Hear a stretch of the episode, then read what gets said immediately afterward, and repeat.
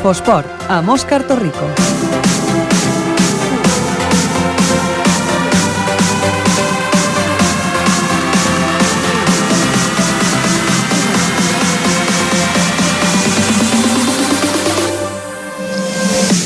Molt bona tarda, benvinguts a l'Infoesport, el programa dels esports aquí a Ripollet Ràdio, el programa on setmana rere setmana, dilluns rere dilluns, us anem explicant l'actualitat de l'esport, dels clubs i dels esportistes d'aquí, de la nostra ciutat, de Ripollet. Avui un programa especial, perquè és l'últim programa d'aquesta temporada, el programa número 36.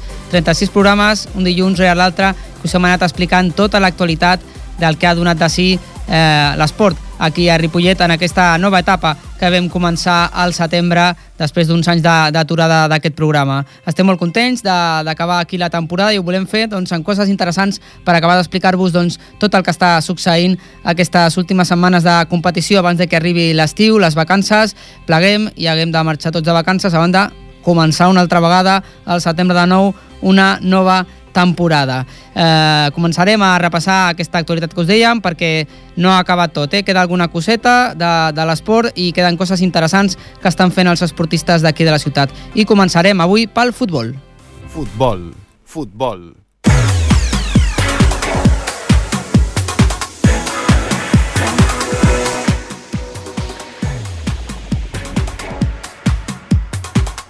Per fer-ho tenim el nostre company, el Brian Calvo. Brian, bona tarda. Bona tarda, Òscar. Eh, aquesta temporada el Club Futbol Ripollet, eh, recordem, ha acabat en setena posició, una posició que ha deixat verdaderament insatisfet al, al club, malgrat no era un objectiu fixat a l'ascens, però sí que tenia equip per, per optar a l'ascens.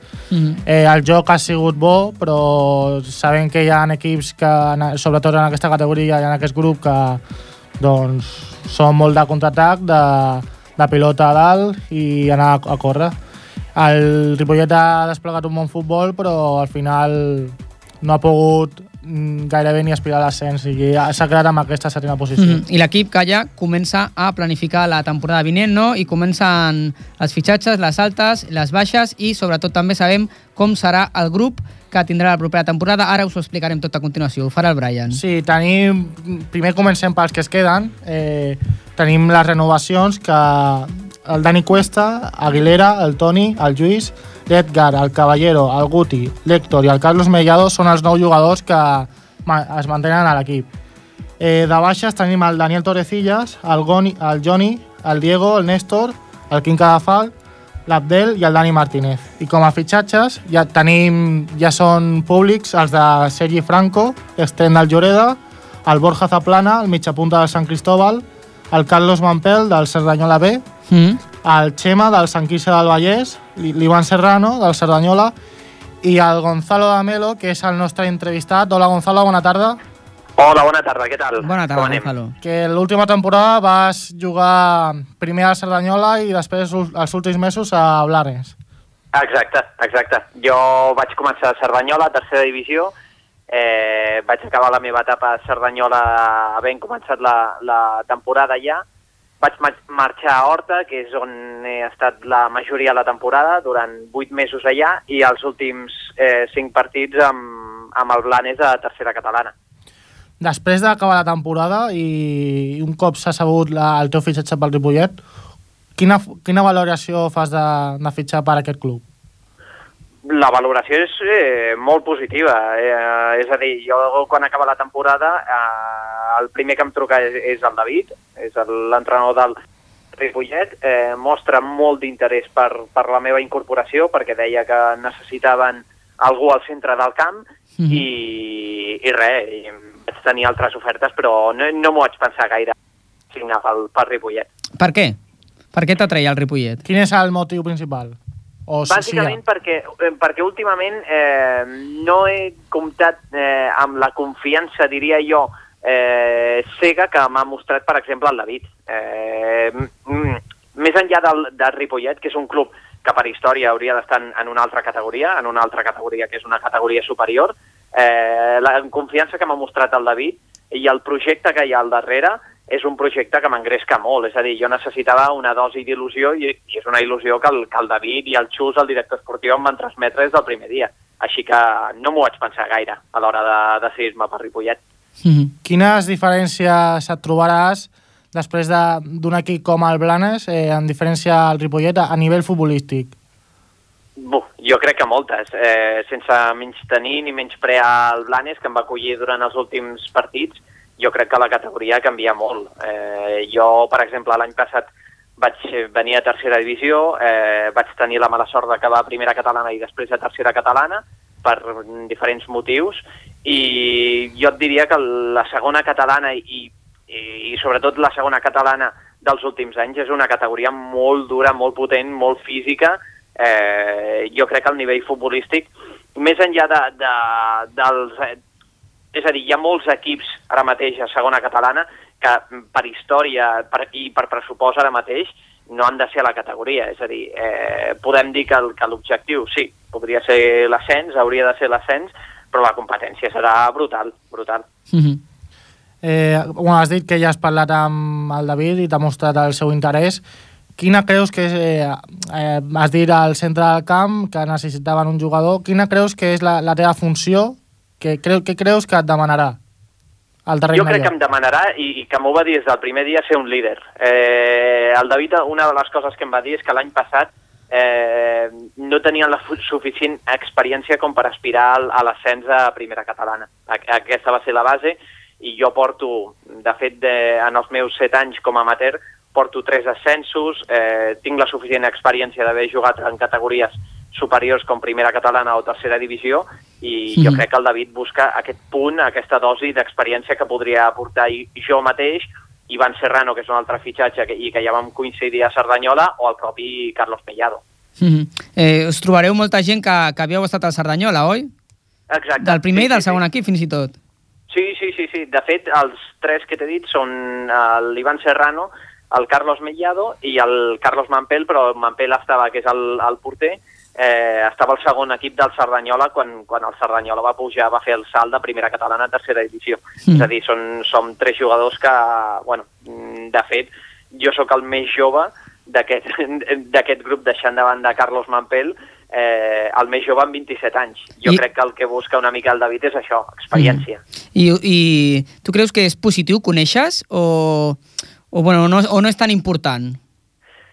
És, és un plus més. És a dir, tu en el moment en el que, en el que et diuen que Ivan Serrano també fitxarà, Carlos Mellado hi és, Carlos Mampel, gent que coneixes, gent que tu saps que pots comptar, és a dir, Ivan Serrano va ser una, un, un, un central titularíssim en l'ascens de primera catalana a tercera divisió. Un central d'aquestes garanties és complicat trobar-lo eh, en el nivell de segona catalana. Mm -hmm. I jo mateix, l'any de l'ascens, també vaig jugar, vaig jugar tots els partits jo crec que és un, és un plus més, però no és, evidentment que no és el motiu principal. Eh, sí que tens el bon record de l'ascens i que, evidentment, eh, tant el grupet d'ex-Cerdanyola com els que ara som a Ripollet, eh, buscarem repetir la gesta de l'ascens, mm. està claríssim. Al grup on us, on us trobeu, al grup 2, eh, hi ha hagut canvis. Eh, teniu la sort o desgràcia, mai se sap fins que no es juga, que us trobeu fins a quatre quatre equips que han, que han pujat de tercera, el Catalònia, el Dinàmic Batlló, el Sant Pol i el Sarrià. Sí. I per contra, de primera baixa l'Unificació Llefia, que també, eh, també us ho trobeu al grup 2. Eh, quins creus que seran els màxims rivals per l'ascens? Bé, de, de fet, eh, evidentment que jo em fixo en els rivals. La Guinaueta també hi serà al grup? Sí, sí. sí. sí, sí. Podem repassar sí. tots, Brian, si vols en un moment. Eh, bueno, tenim el Canyelles, el Carmelo, la Catalana, el Catalònia, la Cirera, el Dinàmic Batlló, l'Equip Ojà, l'Escola Guineueta, l'Escola Mataró, Lloreda, Olímpic, Olímpic Can Fatxó, que ha tingut un canvi de grup, estava avançat al grup 3, el Premià, el Ripollet, òbviament, el Sant Juan Moncada, el Sant Pol, el Sarrià, el, Singer, el Singerlin i, per últim, l'unificació en Llefià. Bé, jo, jo d'aquests equips rescataria principalment, bàsicament, eh, per història i per pressupost. Eh? Eh, Guinagüeta, bàsicament, Premià, eh, Mataró, Premià i Mataró, eh, recordem que s'han quedat a les portes sí, de, equips que ja han, estat, ja han estat lluitant aquesta temporada, no?, aquí amb el Ripollet. Exacte, exacte, això mateix. Però jo crec que, que si fem bé les coses i amb la plantilla que s'està muntant ara mateix, jo, evidentment, que, que em ficaria... No, no m'agrada ser un fals humil de dir, no, nosaltres anirem... Per, eh, el que està tan de moda ara de partit a partit, evidentment que s'anirà partit a partit, però crec que, que l'objectiu de la plantilla i del club és eh, transmetre aquesta il·lusió de dir i per què no anem a per l'ascens? Hem d'anar per l'ascens, s'està fent una plantilla per, per anar per l'ascens. Eh, ja ho vam parlar amb el Presi i amb el, amb el coordinador. Eh, la, aquesta, aquesta temporada amb veu baixa, però ja havia algun somni de, de lluitar per l'ascens. Finalment no s'ha pogut. Per la propera, l'objectiu fixa i no hi ha cap més, és l'ascens, no? Però jo crec que sí. Això no dona molta pressió, Gonzalo? No, no... No, no, no, no, no, no, no. Jo prefereixo jugar amb pressió que no pas... A mi m'agrada estar en equips que tenen, que tenen l'objectiu clar mm -hmm. de pujar jo porto, jo personalment, eh, en aquests set anys que porto com a, com a amateur, eh, he aconseguit quatre ascensos. Mm. M'agrada m'agrada estar en clubs que tenen l'objectiu de, de pujar, evidentment, si tens, si tens plantilla i si tens arguments suficients. Això està claríssim. En el moment en el que tu arribes a una categoria superior o acabes de pujar, evidentment, tornar a pujar és molt més difícil. Però Ripollet, jo recordo que, mm, per exemple, el, l'any de, de l'ascens del Cerdanyola eh, va baixar de categoria. Jo crec que, que, que tots tenim clar l'objectiu i l'objectiu eh, i el treball eh, serà per pujar, no, no, no serà per a una altra cosa. Evidentment que, que, serà, que serà dur, serà duríssim, duríssim, duríssim. Uh -huh. una, una temporada amb desplaçaments a camps complicadíssims, a clubs històrics, clubs que per història pressupost no haurien de ser a segona catalana, però, però el Ripollet és un d'ells mm. per història i per eh, ja no per pressupost, sinó per, per història hauria de, és un club que, que hauria de ser a primera catalana com a mínim. Doncs tant de bo s'assoleixi. Eh, doncs per acabar, desitjar-te molt bona sort per la propera temporada i ja mm, a la següent, a la següent ens trobem, trobem una altra copa a parlar i aviam si aquest objectiu de l'ascens el podeu complir. Perfecte. Doncs moltes gràcies, esperem que sí. Esperem Molt, que, que l'objectiu s'assoleixi. Moltes gràcies, Gonzalo. Gràcies. Vinga, que vagi bé l'estiu. Adéu. Bona tarda. Adéu.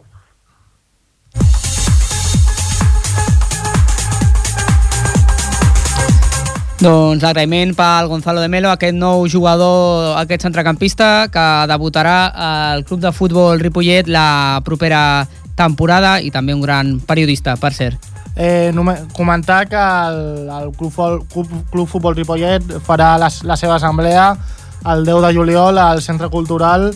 La, a les 7 de la tarda es farà la primera convocatòria i la segona a les 7 i mitja. Doncs aquí deixarem l'actualitat la, del Club de Futbol Ripollet. Seguirem en Futbol Pro perquè anem a l'actualitat de l'Escola Futbol Base de cara a la propera temporada. Esteu escoltant Infosport. I ho volem fer amb el seu entrenador, el, Guiller, el Guillermo Aldrés, a qui em sembla que el tenim al telèfon. Guillermo, buenas tardes. Hola, buenas tardes. El próximo año, la próxima temporada, cambio de grupo, del grupo 9 al grupo 6 en tercera catalana. ¿Habíais pedido vosotros este, este cambio? No, no, no, no habíamos pedido el cambio, al contrario.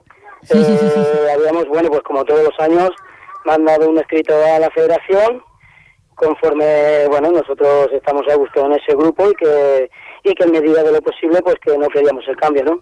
Pasa luego nuestra sorpresa que, encontramos que nos han metido en el 6, nos ponemos en contacto con la federación y nos comentan que bueno que todos los equipos quieren quieren jugar en su zona, ¿no?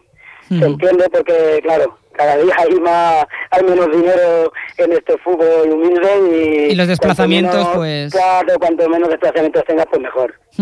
El grupo tiene una característica así a primera vista un poco sorprendente quizá que es que hay cinco equipos filiales que podrían haber sido seis porque el Llavaneras B ha renunciado a la categoría y supuesto lo cubrirá el Caldetenas pero hay cinco filiales el del Palau del Joanén Castellá Junior y Sardañola. Esto es positivo o negativo que haya muchos equipos filiales bueno, a ver, eh, la verdad que están en tercera igual que nosotros.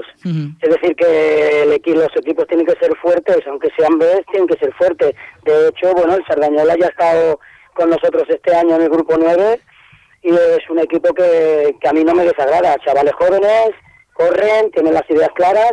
Aparte, este año han, cambian de entrenador, un entrenador cual yo conozco y le va a dar mucho carácter. Y el Coco va a ser el Valle del Vallés, que baja de segunda catalana, precisamente del grupo en el que estaba con el Ripollet. Bueno, no sé, ya veremos. Eh, cuando baja de, segunda, tú ten en cuenta que tienen otro también, en, que por cierto lo han metido en el grupo nuestro, eh, bueno, en el que estábamos nosotros, en el 9. Eh, no sé cuál será el, digamos, el coco, si el Badía B o el Badía A. No sé cómo se le montará esa entidad. Pero sí que es verdad que, que, bueno, el Badía siempre ha sido un equipo fuerte, siempre ha estado ahí arriba y, y sí, sí, yo creo que va a ser uno de los de los equipos a batir.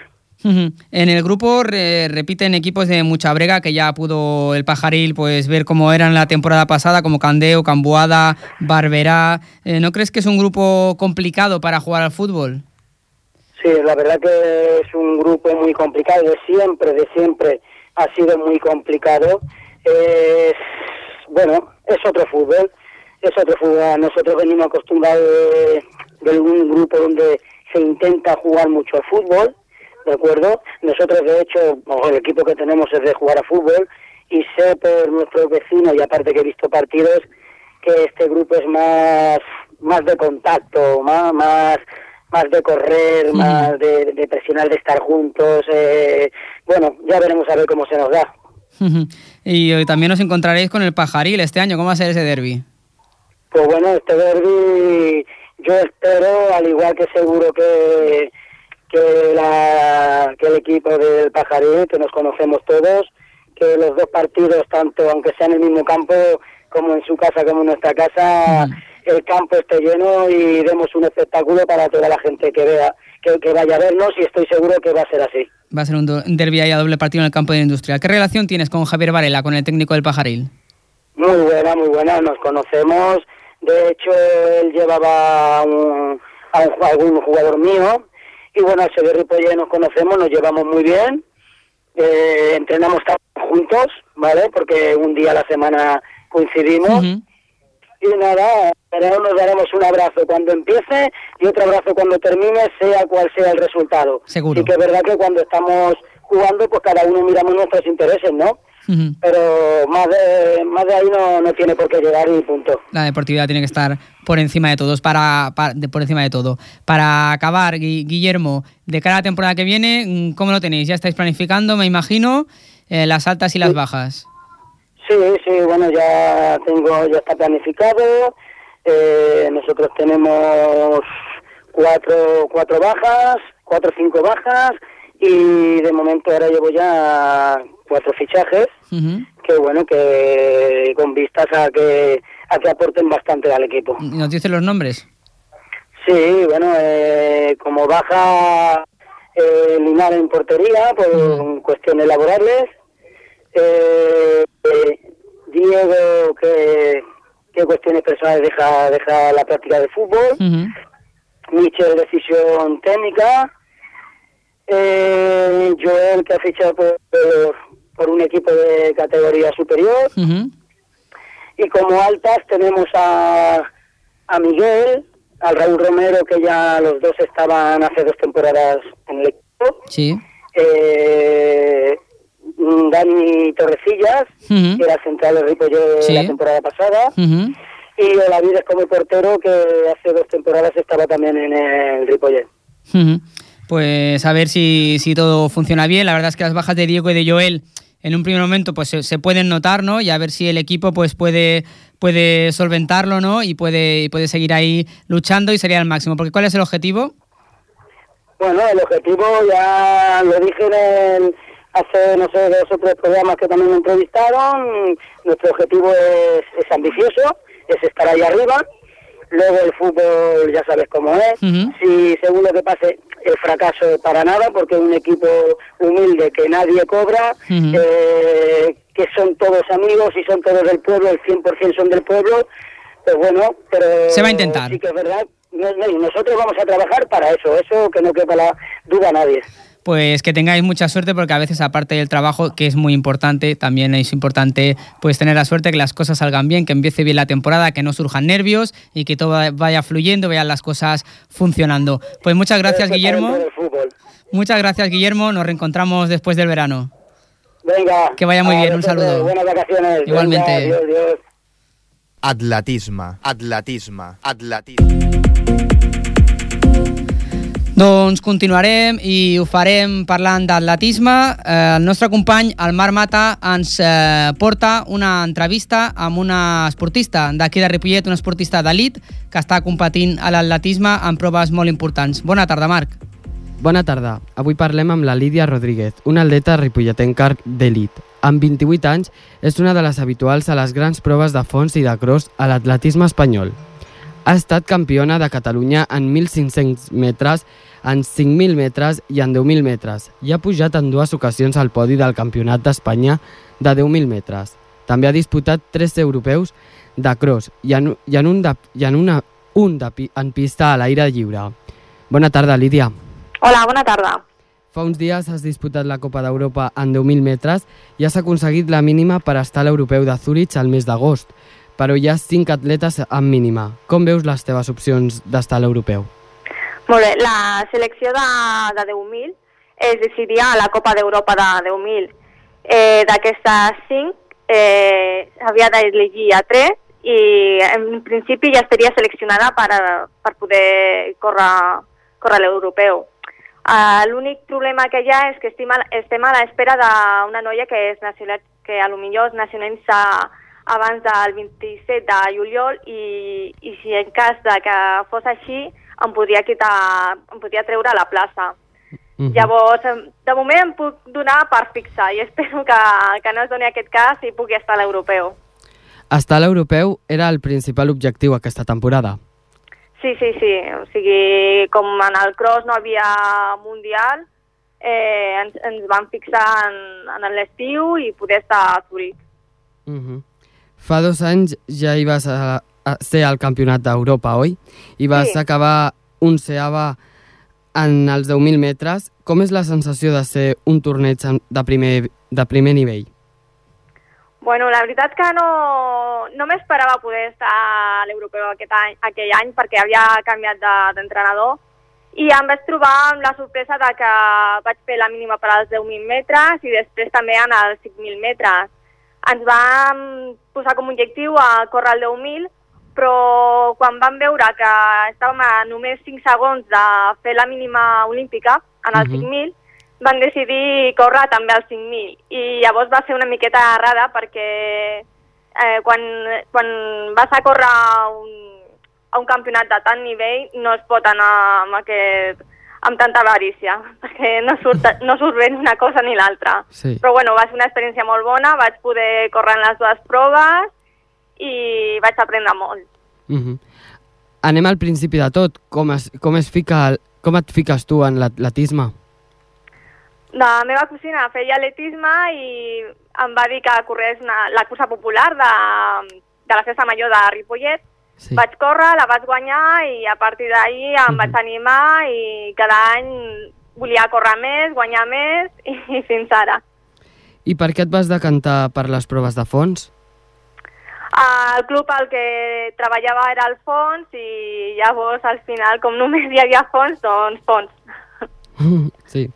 Entrenes amb un dels grans fundistes de l'atletisme actual, el Carles Castillejo. Com és aprendre d'algú que encara està en actiu?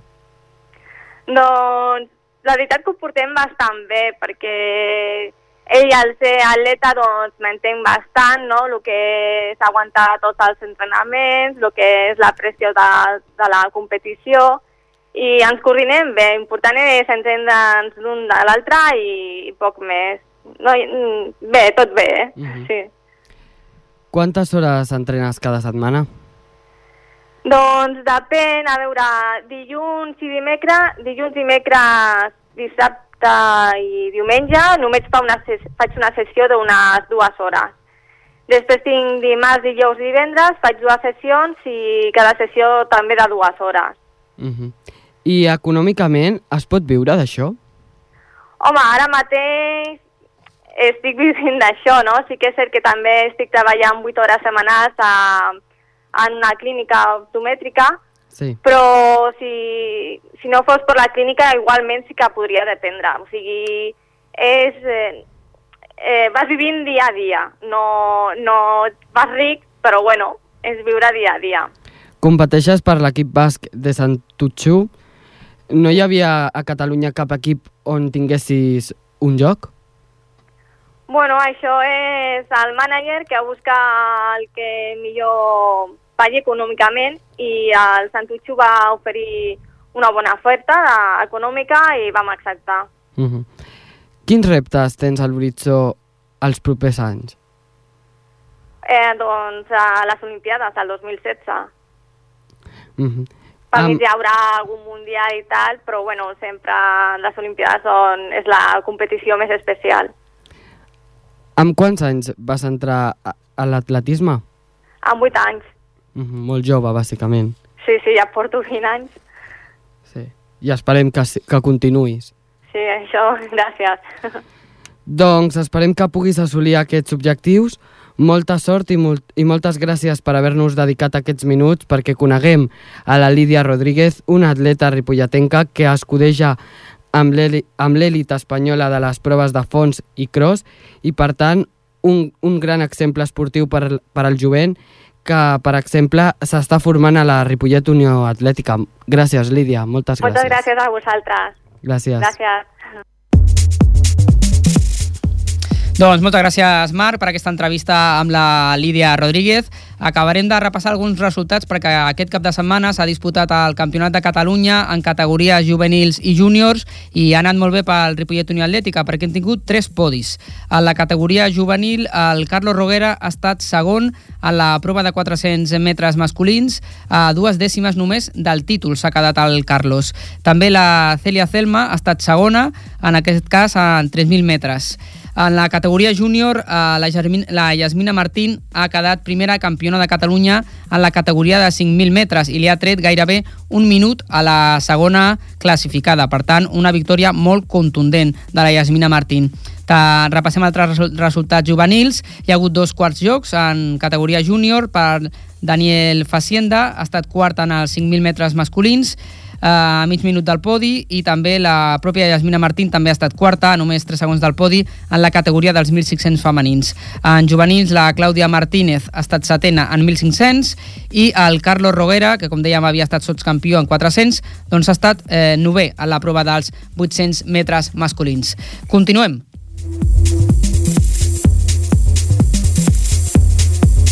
L'entrevista.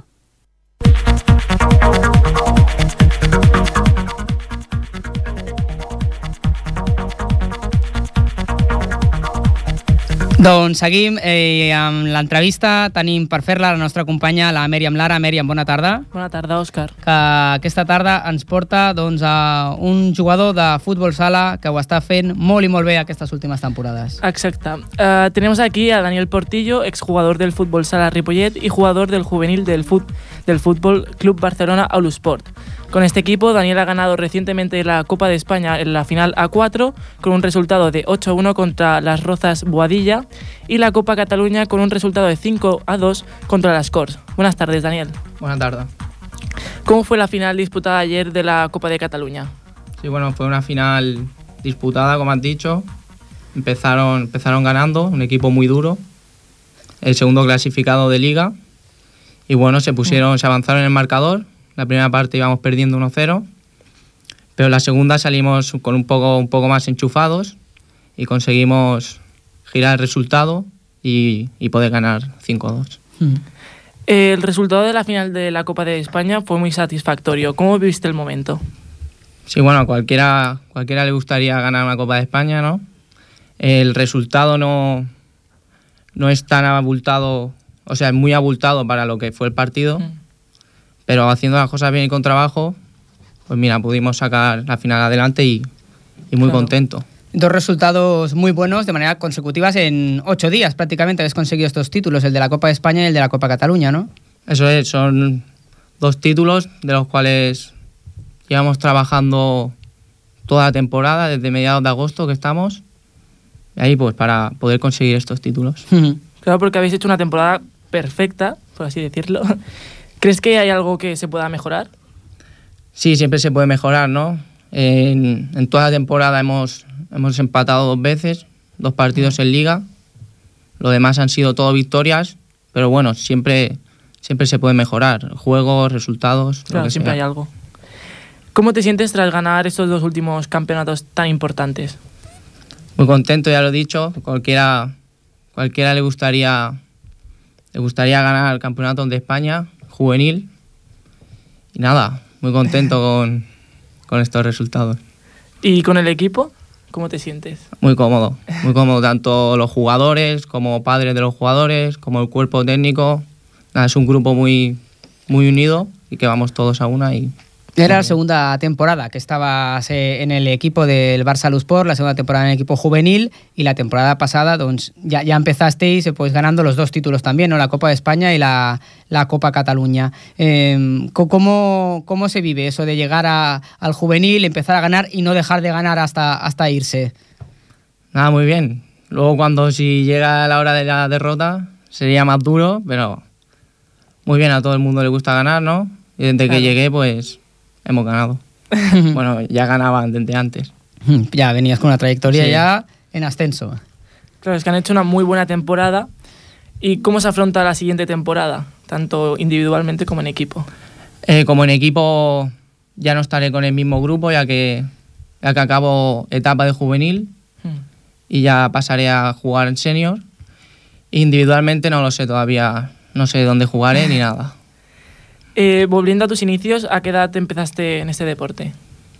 Eh, jugué, he jugado de toda la vida en, en fútbol sala, pero aquí escolar, en el colegio y eso. Luego estuve ¿Y a qué edad empezaste en el colegio? cinco años, cinco, seis, P5 De unido, siempre, siempre fútbol sala, ¿eh? ¿No, No. te dio por el fútbol? Sí, hubo una temporada también. Sobre los 7 o así hasta, hasta los 15 estuve aquí en el- la escuela de fútbol Ripollet Ujú. Jugando y luego a los 16, la temporada esa 15-16, eh, crearon en el fútbol sala Ripollet, se creó como la base, me dijeron de ir y, y era un proyecto que me gustaba y probé. Probé ahí en el fútbol sala Ripollet y bien. ¿Y con qué te quedas? ¿Con el fútbol o con el, o con el fútbol Hay que sala? probar las dos cosas, el fútbol sala. ¿Pero porque estás ahora o porque, o porque realmente te has sentido pues, pues más realizado o que te sientes la experiencia? ¿Por, por qué la es diferente esa experiencia? No sé, me gusta más, es un deporte así como más intenso, más participativo que no, que no el fútbol. Y para mí es más divertido. Más dinámico, ¿no? Sí. Te, te- te mantiene durante el partido mucho más enchufado en el, en el partido quizá, ¿no? Que, que el fútbol que puedes desconectar Eso un, es, un es todo poco. más rápido, más pequeño. Claro. Has estado unos cuantos años, como has dicho, en el fútbol sala Ripollet. ¿Qué es lo que echas de menos?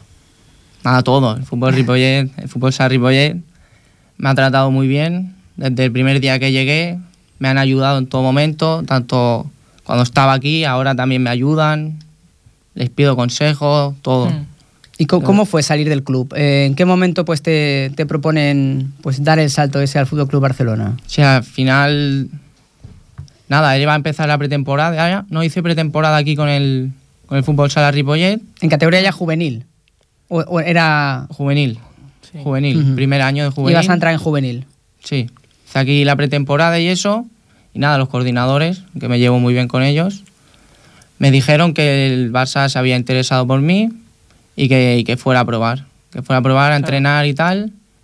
Y decidirían a ver qué harían conmigo. ¿Y qué es lo que te dice la familia y tus amigos cuando les dices, oye, que el Barça ha picado a la puerta para preguntar por mí? ¿Qué, qué te dice la gente? ¿Se lo creyeron La o no ni al se lo principio? creía, que va. Bueno, ni la gente ni yo. Porque es lo que yo digo, llevaba jugando tres años. Tres años llevaba Ujú. jugando a fútbol sala así de forma, Claro. de forma seria. Sí. Y en tan poco tiempo que te llame ya un equipo como el Barça, Ujú. pues sorprende. ¿Y qué te dijeron en el Barça? ¿Te dijeron alguna cosa de por qué? ¿Por qué les habías gustado? ¿Por qué confiaban en ti? No, la forma de jugar. Hice, hice un entrenamiento y un, y un partido amistoso en el que participé con el Barça. Y bueno, pues no sé, mi forma de jugar o algo les gustó y me dijeron, me dijeron de, de quedarme. Porque tú, ¿qué, qué destacarías de, de ti, de tu, de tu juego? Eres un jugador muy técnico. mm, ¿Qué, qué- qué crees que es lo que más destaca de ti? Yo creo la, la visión de juego y todo eso. No soy un jugador así de regates y todo eso, pero De filigranas, ¿no? No, es un jugador de no. filigranas. no, más pasador, saber estar, todo eso. Claro. Has tenido también la oportunidad de jugar con la selección catalana de fútbol sala. ¿Cómo ha sido esta, esta experiencia? Muy bonita también. Fui a entrenar con cadete de segundo año, 16 años. Ah, llevaba un año también, me llamaron. Hice entrenos, todo eso. Al final pude este, fui seleccionado para, para jugar el Campeonato de España de Selecciones, en el que no quedamos subcampeones. Ah, bueno. Fue una experiencia muy bonita e inolvidable. En el que no, ya va- ya hace la parte no, porque como siempre gana el título, pues dice en el, en el que no pude ganar. O sea, se ha quedado así cortado, pero, Bueno, pero la realidad es esa, como lo gana todo, eso se, le- se te quedó un poco ahí de, de espina, Segundos- ¿no? Segundo Ay, ay. no está mal tampoco. ¿Y, y cómo es ir a- con una selección? O sea, mm, en un equipo, pues más o menos conoces a tus compañeros siempre, tal. ¿Cómo es el tema de ir a una selección que son jugadores de muchos equipos? Mm, mm, combinarte ahí el juego, ¿cómo, cómo es? Claro, es más complicado en todo. Convivencia, en el juego. Claro, como no nos conocemos, venimos de equipos diferentes. Un poco más complicado, pero, pero muy bien. Ujú.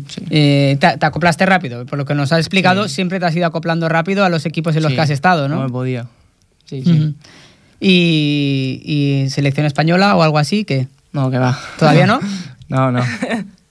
Porque Todavía queda lejos. Eh, la- hay una selección española juvenil que, que compite también. De momento no, estos no han llamado, ¿no? No, todavía no. Porque no te habrán visto mucho o algo, ¿no? ¿Será? No, no se fijarían en el subcampeón. A lo mejor se estaban mirando ahí a los campeones, pero, pero seguro que, que si sigue la trayectoria así, ¿no? Pues, pues tiene que venir, porque está demostrando Dani Portillo que, que lo está haciendo muy, muy bien y pues a los hechos nos remitimos, ¿no? Como decíamos, estos dos años seguidos, dos Copas de España con el, el Barça Lusport, dos Copas de Cataluña con el Barça Lusport y a ver ahora qué. Con tan solo 19 años ya tienes una trayectoria en un club de élite como es el Barça y en la selección catalana. ¿Qué objetivos tienes para el futuro? Ah, seguir, seguir aprendiendo y seguir creciendo. Y pues poder jugar en las ligas más importantes de- del mundo, que de España, tanto selección Claro. como todo. Pero sobre todo seguir aprendiendo y, y divertirme y pasármelo bien. Pero ¿y te ves como jugador profesional o es una cosa que está Hombre, verme yo personalmente me veo. bueno, entonces, entonces ya es un paso, ¿no? Porque a lo mejor hay gente que dice, pues, hostia, yo no, no me veo, ¿no? Lo veo como demasiado, demasiado presión, de un reto demasiado alto. ¿Nunca ha supuesto una presión para ti pues, jugar con el Fútbol Club Barcelona, con, con una entidad con ese nombre? No, bueno, siempre que estás ahí en el Barça, pues en el Fútbol Club Barcelona tienes que jugar a- al máximo nivel, ¿no? No puedes aflojar nunca. Pero bueno, presión no, no he tenido nunca, no me ha puesto nunca presión. Es muy importante, los deportistas que, que- que ven siempre la presión desde el lado positivo y que no les supone pues una, un- una, cor- un cor- una cortapisa, ¿no? Eh, Estar ahí eh, en un club que, que- que tiene unos, un- unos niveles, de- unos estándares muy, muy altos y unas exigencias muy altas. Nos decías, llegar a ser profesional y de cara a la temporada que viene pues no sabes nada todavía, No, todavía no. porque No, tienes que pasar a senior. Sí. Nada, o me tienen que decir de continuar en el Barça o si no... Buscar alguna otra alternativa. Tu primera opción, imagino que es seguir en el Barça. Sí, claro, por supuesto. Ya, ya que, ha- ya que has llegado ahí, ¿no? Ahora no va... Pero bueno, a, a veces, pues, ¿no? Mm, Puede haber algún otro equipo. Si viniera un equipo de de élite a, a- a llamarte, mm, ¿cómo te lo plantearías? Claro, tendría que verlo, pero por supuesto que sería bueno, claro. Siempre es bueno que se interesen por uno, ¿no? Aunque sea solo para meterle presión al Barça, para que, claro. para que en el Barça piensen, pues, ostras, a ver si no, se nos va a ir este jugador, ¿no? Que tenemos aquí. Eso es. Porque el primer equipo, que ¿Cómo se ve? El primer equipo del Barça es Ah, como una utopía, ¿no? Muy lejos. porque la entidad Complicado. apuesta por una serie de, de jugadores, ¿no? Sobre todo extranjeros que, que, bueno, que suponen un poco un freno, ¿no? Imagino. Eso es. Está muy complicado. Aunque bueno, hay jugadores catalanes que, que en los últimos años pues han tenido papel muy destacado en la liga, ¿no? Jordi Torras, Dani Salgado, es decir, jugadores de aquí que han pues que han hecho un muy buen papel y que han salido de, las canteras de aquí, de la cantera de Marfil, de la, de la cantera del Barça, ¿no? Eh, ¿Tú crees que puedes que puedes llegar a ser uno, uno de ellos? Poder puedo, ¿no? Pero está muy complicado lo que digo. Mucho nivel, otro mundo es. ¿Y cómo se mantiene el nivel una vez que ya has llegado a, al nivel en el que estás ahora? Mm, no sé, ¿cu- ¿cuánto tienes que entrenar para, para seguir manteniendo ese nivel? Entreno, yo ahora mismo esta temporada entrenaba cuatro días a la semana más, más el partido el fin de semana. Mm. ¿Cuántas horas? ¿Un par de horas? Un par de horas cada día, sí. ¿Y ahora el verano qué? Porque ahora el verano se, hay un tiempo, hay un mes o un mes y medio, ¿no? Que se deja de entrenar con Sí. el equipo. ¿Cómo, cómo lo afrontas ese, ese periodo? Nada, intentar ir haciendo cosillas para no perder la forma y eso y, y llegar bien a pretemporada. Pero, ¿Cosillas qué es? A ver que nos cuente lo que es cosillas. Pero cosillas uno piensa de salir a dar una vuelta aquí al paseo de colesterol. Pero a ver lo que nos cuenta Dani, que es lo que hace él. Nada, prepararse un poco, correr, hacer algún deporte. Sí, bueno. No dejar que baje el, el tono muscular, ¿no? Imagino. Eso es, para no perder un poco el ritmo. Pues muchas gracias, Dani. Creo que ya acabamos aquí, ¿verdad, Miriam? Pues muchas gracias, Dani, por haber venido, por habernos explicado esta experiencia y te deseamos pues mucho éxito la próxima temporada en esta nueva categoría senior, que empieces esta edad muy bien, ya sea con el segundo equipo de Barça o algún otro equipo que se interese, pues fantástico y que puedas, que puedas tener muchos éxitos, que la verdad es que creemos que lo estás haciendo muy bien y que seguro que te esperan pues cosas muy buenas para el futuro. Gracias a vosotros. Muchas gracias, Dani. Buenas tardes. Gracias, Miriam.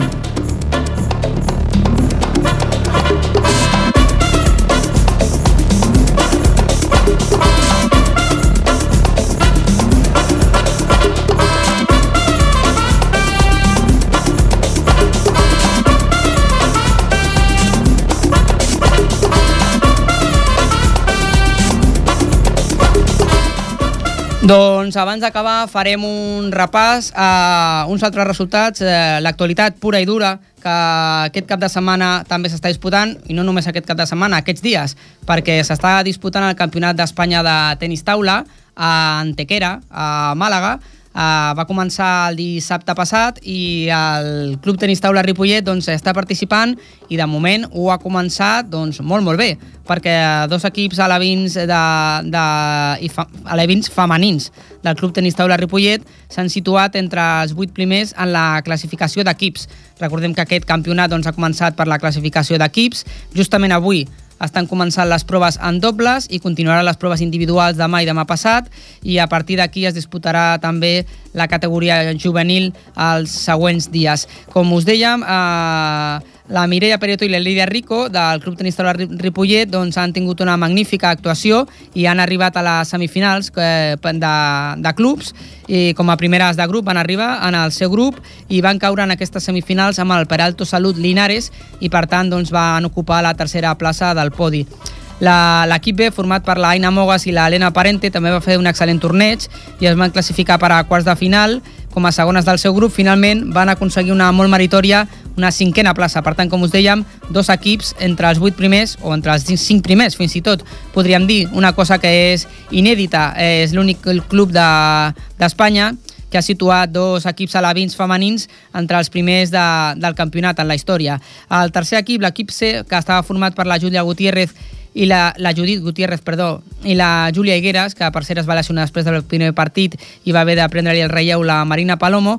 Elles dues, la Judit i la Marina, doncs van passar quartes de grup i van disputar els jocs del 9è al 7è i van ser finalment tretzenes a la classificació. L'equip alivi masculí, amb l'Enric Barceló, el Marc Miró i el Víctor Palomo i l'Arnau Parató, va fer un bon torneig però no va poder superar la, la fase dels grups. Perquè fa als juvenils, l'equip femení amb la Gemma Costa i la, i la Júlia López van ser tretzenes i l'equip masculí amb el Pau Barceló, Martí Berenguer, Roger Miró i Àlex Rico doncs tampoc va poder superar la fase d'equips. Com us dèiem, aquests, eh, avui s'han començat a, els dobles i a partir del dimecres es faran els individuals d'aquests campionats d'Espanya de, de categories alevins i júnior que venen just després, uns dies després de que l'equip del Club Tenis Taula Ripollet fes una molt bona actuació al campionat de, de Catalunya eh, en la qual doncs, va aconseguir eh, 3 i 3, 6 i 4, 10, 10 medalles va aconseguir l'equip del Club Tenis Taula en aquests campionats de Catalunya.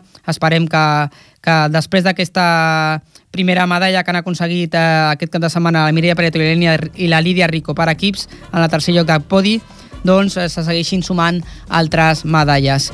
Doncs estem acabant la temporada eh, aquí, eh, després de, en aquest programa número 36, eh, però no acabarem del tot, perquè el proper dia 14 de juliol, el dilluns 14 de juliol, a partir de les 8 de la tarda, al Centre Cultural de Ripollet, us convidem a tots els oients a participar, a ser-hi presents en els Premis Infos, Infoesport. Recuperarem aquests premis amb la tornada d'aquest programa, en aquesta segona etapa del programa, doncs tornarem a fer també aquesta entrega de premis als Premis Infoesport i tindrem doncs, més de 30 guardonats amb els jugadors, els millors jugadors de cada, de cada equip eh, sènior de la ciutat doncs, rebran un premi tant en les categories masculines com en les categories femenines. Així que avui posem un punt i seguit, el punt i final el posarem el dia 14 de juliol a partir de les 8 de la tarda, que per cert, per cert perdó, ho retransmetrem en directe aquí a Ripollet Ràdio aquest, aquest acte d'entrega de Premis Infoesport el dia 14 de juliol. Vull acomiadar-me dels meus companys, el Mèriam Lara torna a ser aquí i el Brian també continua aquí. Sí. Gràcies, companys, per, per tota aquesta feina durant la temporada. També I... doncs, eh, hi ha companys que bueno, avui no han pogut estar, com Així és. el Ferran, l'Ester, el Marc, el Jordi. El Jordi Soteres, el Marc Mata, l'Ester Catalán i el Ferran Rigat, que també han fet, juntament amb els tres servidors aquí presents, el programa aquesta temporada i, sobretot, amb el, El nostre nostre tècnic, amb el nostre tècnic, el Jordi Puy, que és el que ha estat ajudant-nos aquí setmana rere setmana a nosaltres, que érem una mica uns neòfits en tot això, i ha estat aquí donant recolzament i ens ha ajudat molt i molt a que tot això sortís endavant. Doncs moltes gràcies a tots els oients per escoltar-nos, als clubs que ens han donat també doncs, molta ajuda perquè ens han posat molt fàcil totes les entrevistes, poder estar a sobre de l'actualitat setmana rere setmana, a tothom, als presidents, als entrenadors, als jugadors, jugadores, els hi agraïm molt tot el que ens han facilitat la feina durant aquest eh, primer any d'aquesta nova etapa del programa Infoesport i doncs tornarem, tornarem al proper setembre, estarem aquí una altra vegada per seguir explicant doncs, tota l'actualitat de l'esport de Ripollet, perquè ens agrada l'esport. A Ripollet Ràdio li agrada l'esport i li agrada que a tothom us agradi també l'esport d'aquí de Ripollet. Moltes gràcies a tots, ens retrobem al setembre i recordeu, sobretot, que el dia 14 de juliol a les 8 de la tarda al Centre Cultural tindrem aquesta entrega de Premis Infoesport. El podreu escoltar també en directe, si voleu, per Ripollet Ràdio, a la web ripolletradio.cat o aquí, al 91.3 de la FM, a la vostra ràdio, a Ripollet Ràdio. Doncs molt bona tarda i us deixem, que tingueu un molt bon estiu, si no ens escoltem el dia 14, que tingueu un molt bon estiu, ens tornarem a trobar a partir del setembre. Bona tarda.